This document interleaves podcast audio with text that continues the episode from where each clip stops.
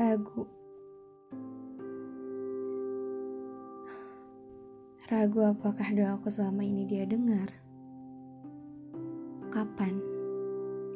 Kapan jawaban dari doa-doa yang selama ini aku ulang-ulang dia hadirkan? Bosan. Bosan untuk mengulang doa yang sama setiap selesai salam. Namun, semakin lama ku larut, larut di dalamnya, maka semakin mengerti mengapa jawaban dari doa tak juga dihadirkannya. Satu waktu, aku coba berhenti untuk meminta.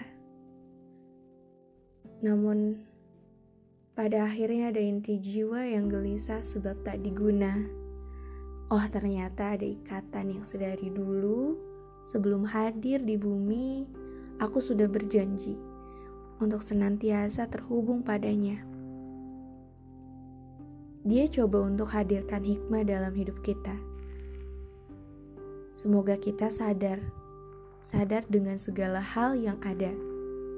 Sampai suatu hari, ya, kau terkejut sangat-sangat terkejut.